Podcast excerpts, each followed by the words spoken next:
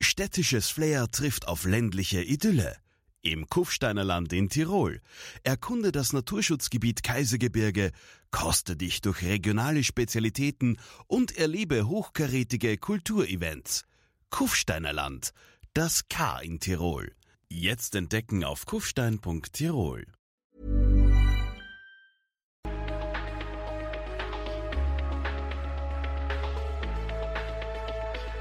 Hej och välkomna till veckans risk och försäkringpodd. Ja, nu lägger vi snart mörka november bakom oss och adventstider stundar. Det känns rätt bra tycker jag. Nu rusar vi faktiskt snart in på upploppet av detta decennium. Men innan vi börjar med det kan vi koncentrera oss på den här veckan.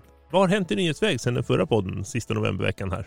Ja, I måndags kunde vi rapportera att sagan snart är all för Sabo Försäkrings AB som har beslutat om likvidation av bolaget. Detta efter att under 2017 överlåtit eh, sitt eh, egendomsbestånd av fastighetsförsäkringar till Gensidige och byggfelsförsäkringar till HDI Global SE under 2018.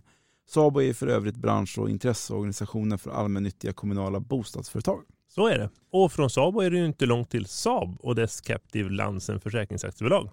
I veckan nu blev det klart att Captive-bolaget som har haft mycket begränsad verksamhet under en lång tid nu är på gång att flytta över beståndet till det Malta-baserade runoff-bolaget Accredited Insurance.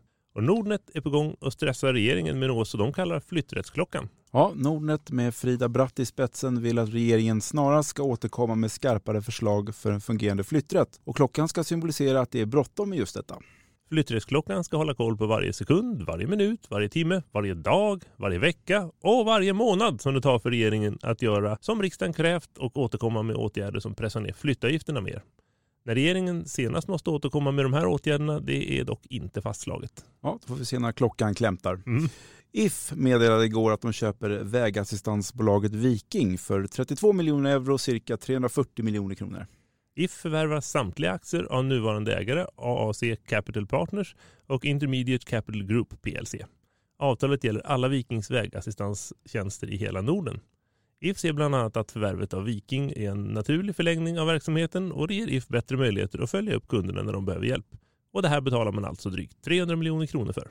Ja, och på tal om vägassistansbolag så hamnade ett sådant bolag på tidningen Råd och Röns skamlista i veckan. Det var assistansbolaget som hamnade på plats nio på denna lista. Assistansbolaget är ett av årets hittills mest anmälda företag till Konsumentverket och det är därför de hamnat på listan. Assistansbolaget har bland annat skickat ut erbjudanden om vägassistansförsäkring som ser ut som fakturor. Nu i november avslutade Konsumentverket ärendet mot assistansbolaget. Skönt för assistansbolaget men kanske inte lika skönt för dem att hamna på skamlistan. Nej, På personlighetsfronten i veckan har vi Fredrik Berg som har rekryterats som chef för Max Mathisens sakverksamhet. Han blir därmed ansvarig för att driva företagets fortsatta satsning inom affärsområdet. Ja, han hämtas från Gensidig och går direkt in i Max Mathisens ledningsgrupp där han ska bygga vidare på bolagets verksamhet inom företagsförsäkringar. Idag finns lokala sakförmedlare på cirka 20 av Max Mathisens 36 kontor i landet och målet är att fortsätta växa på det området. Willis Towers Watson som äger Max Mathisen håller ju också på med företagsförsäkringar och det är väl troligt att Max Mathisen tar hand om något mindre företagen på sakförsäkringsområdet i, i sin eh, satsning. Ja, låter troligt. Vi går vidare med Finansinspektionens stabilitetsrapport som kom i torsdags. Även om det är bankerna som får klart mest plats i den så står det också en del om försäkringsföretagen. Fokus i stabilitetsrapporten är precis som i de senaste rapporterna på sjunkande räntor som innebär att försäkringsföretagens motståndskraft minskar. Det är viktigt att pensionsbolagen har tillräckliga kapitalbuffertar som återspeglar deras risker och vi fortsätter att följa risktagandet på de finansiella marknaderna, säger Erik Thedéen, GD på FI. FI skriver att motståndskraften bland de svenska försäkringsföretagen fortfarande ser ut att vara god. Men man bedömer att det delvis beror på att det gällande solvensregelverket inte fullt ut speglar riskerna med dagens mycket låga räntenivåer och till och med underskattar dem. Konsekvensen är att ränterisken, en av de viktigaste riskerna för försäkringsföretag med långa åtaganden, inte fångas upp i tillräcklig omfattning. Det innebär att försäkringsföretagets motståndskraft överskattas under perioder med låga räntor, skriver FI i rapporten. Så var det med det. I veckan rapporterade vi också om att den globala marknaden för användarbaserad bilförsäkring förväntas stiga från 15,6 miljarder dollar år 2018 till 105 miljarder dollar år 2027. Detta enligt en marknadsrapport från Insights Partners. Ja, rapporten innehåller fakta om de drivande faktorerna bakom marknadstillväxten och beskriver utvecklingen på området hos de ledande aktörerna som till exempel AXA och Allians. Marknaden för användarbaserad bilförsäkring beskrivs som en av de snabbast växande branscherna.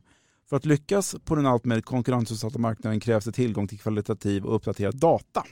Just den här tillgången till data från allt mer teknologiska bilar diskuteras mycket just nu. Försäkringsbolag vill förstås säkra att de kommer att få tillgång till fordonsdatan så de kan erbjuda bättre försäkringsprodukter. Och den här diskussionen den är också den europeiska branschorganisationen Insurance Europe högst involverad i. Och tillsammans med bland annat Annika Saramies grundar Claes Hemberg försäkringsaktören Gofido. De övriga grundarna av Gofido är Avanzas tidigare affärsutvecklingschef Stefan Malstein och Gertrud Hack, tidigare marknadschef för Avanza i Tyskland. Och det kan vi läsa mer om i Risk och Försäkring Insights där Annika Saramies berättar mer för dig, Georg, eller hur? Det är just vad hon gör det. Och i Insights sammanfattar vi också Riksrevisionens rapport om konsumentskyddet i finansbranschen som kom i veckan. Där får bland annat Finansinspektionen viss kritik av sin organisation och arbete. Men vi börjar med Gofido. Vad berättar Annika Saramies om bolagets planer för dig? Så här, Gofido vill vara som en vakthund och ens bästa kompis i försäkringsvärlden. De räknar med lanseringen vår och kommer då enligt Annika Saramies att erbjuda en synnerligen flexibel och billig hemförsäkring. Ja, det ska bli intressant att följa hur det går för Voven. Och vad var den stora essensen i Riksrevisionens rapport? Jo, Riksrevisionen rekommenderar Finansinspektionen att jobba mer med styrning och uppföljning av tillsynen.